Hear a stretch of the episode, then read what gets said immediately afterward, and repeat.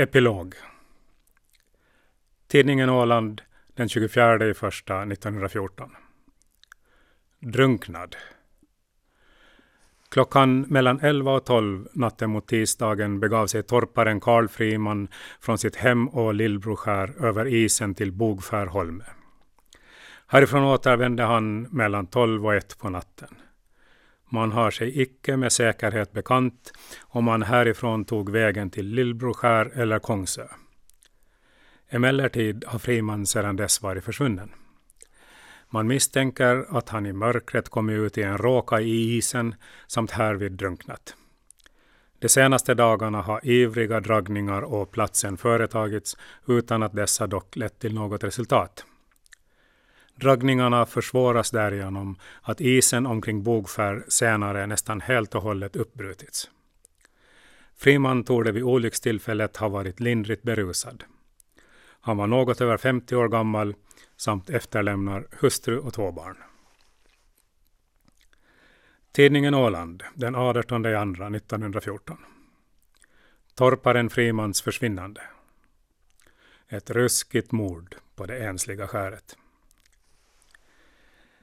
Den försvunnes anhöriga antog därför att Friman, drucken som han var, hamnat å svagis och drunknat. Detta antagande syntes bekräfta sig vid det polisförhör som med anledning av Frimans försvinnande anställdes. Härvid berättade fiskaränkan Ida Jakobsson och dennes 24-åriga dotter Alina, vilka jämte fyra minderåriga barn ensamma bebo Bogskärsholme, att Friman samma natt besökt skäret, varpå han skulle återvänt till Kungseby i Jomala socken, men i mörkret förmodligen tagit orätt kurs och omkommit. Några dagar senare erfor befallningsman Artur Ekman, som lett undersökningarna, att de båda kvinnorna jämväl givit en annan uppgift om Frimans försvinnande. På grund härav inleddes nya undersökningar och företogs energiska dragningar efter den döda kroppen varje dag som väderleken sådant tillät. Dessa dragningar kröntes tisdagen den 10 februari med den framgång att den försvunna sparkstötting då påträffades. Däremot har liket trots noggranna undersökningar icke stått att finna, varför detsamma antagligen bortförts av havsströmmarna. Upphittande av sparkstöttingen underlättade emellertid i hög grad de fortgående polisförhören, vilka alltjämt gåvo vid handen att ett hemskt brott blivit begånget och det ensliga färet ute i Ålands hav. Vid den 13 februari och nu anställt förhör med Ida och Alina Jakobsson erkände dessa slutligen att 17-åriga torparesonen Karl Eliel Westerlund från Djurvik by i Jomala socken på enträgen uppmaning av dem den 19 januari kommit ut till Bogfär i avsikt att mörda torparen Friman, som de med säkerhet dit väntade samma afton.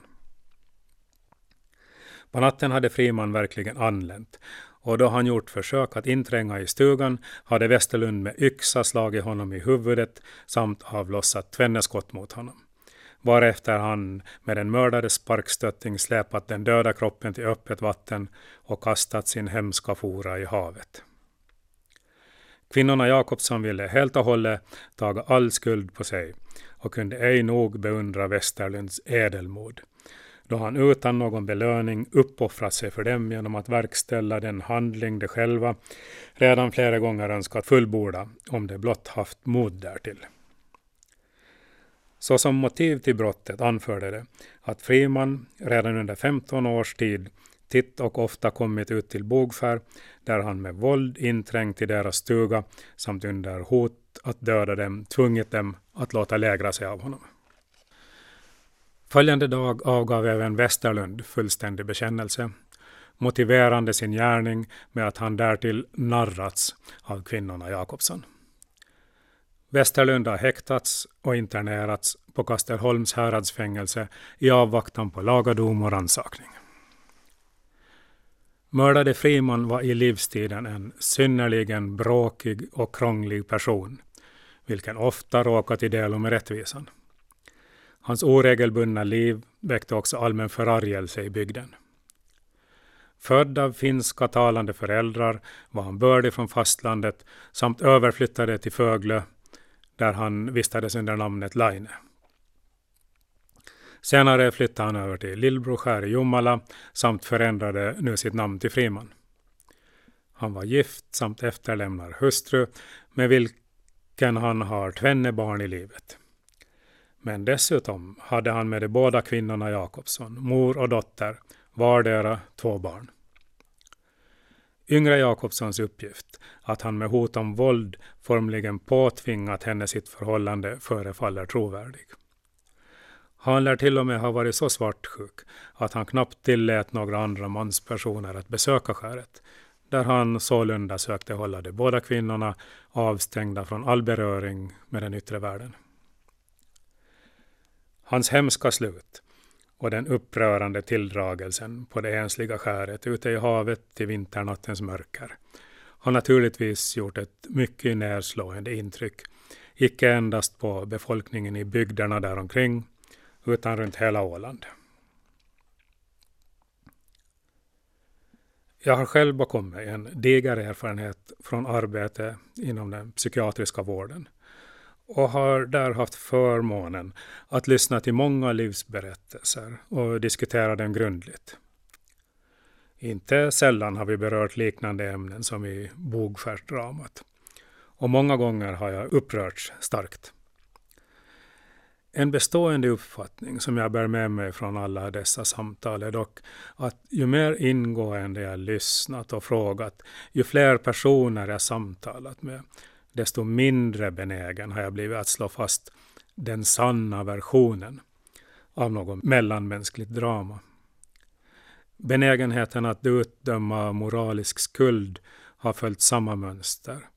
Och nu kan jag skönja samma tendens när jag hundra år efteråt försöker begripa vad som skedde mellan människorna där ute i havsbandet. Den halvbildades tvärsäkerhet får ge vika när den första svartvita skissen fylls ut och får nya perspektiv och nyanser. Självfallet måste den rent juridiska sanningen avgränsas och fastställas enligt helt andra kriterier. Frimans, Laines finskhet betonades från början och fortsättningsvis när fallet relaterades i pressen. Men ingen Laine finns i hans släktträd ner till mitten av 1700-talet. Ej heller var han bördig från fastlandet, utan hans släkt tycks ha hållit sig mycket troget till ön Rimito i Åbolands skärgård. Det var bönder och torpare med genomgående svenskklingande namn som Friman, Johansdotter, Mattsson, Karlsdotter, Andersson, Hinriksdotter och Johans dotter på fädernet och Lindholm, Gabriels dotter Andersson och Magni dotter på mödernet. Ellen Selander skriver att Friman talade en bra svenska. Han kunde även finska. Fem personer kom att åtalas i samband med mordet på Karl Friman. Karl Westerlund för utförande av dådet och Ida och Alina Jakobsson för anstiftan av detsamma. Medan Karls föräldrar Erik och Kristina Westerlund åtalades för antingen anstiftan eller medvetenhet om dådet och underlåtenhet att göra anmälan. De åtalade fick ett starkt försvar av den duo som några år senare skulle träda fram som ledare för Ålands frihetskamp. Den blivande Ålandskungen, Julius Sundblom, hanterade opinionen via Ålands enda tidning, där hans makt som chefredaktör var oinskränkt. Och i rätten företräddes det av Sundbloms blivande parhäst i politiken och sedermera starkaste rival, vice häradshövding Karl Björkman. Till behandlingen inför häradsrätten i Jomala sockens och Mariehamns stads tingslag presentera försvaret en ny linje. Dådet hade ingalunda varit planerat och den 17-årige Karl Westerlund hade enbart kommit till Bogfär som stöd och skydd för de plågade kvinnorna. Karl Frimans uppträdande under natten hade dock blivit så våldsamt att unge Westerlund tvingats ta till yxa och pistol för att värna hem och liv. Han skulle dock inte ställas till fullt ansvar för dådet när han ej uppnått 18 års ålder. Utöver detta presenterar försvararen nu ett läkarintyg över att Karl Westerlund var i psykiskt avseende undermålig och icke vid förståndets fulla bruk.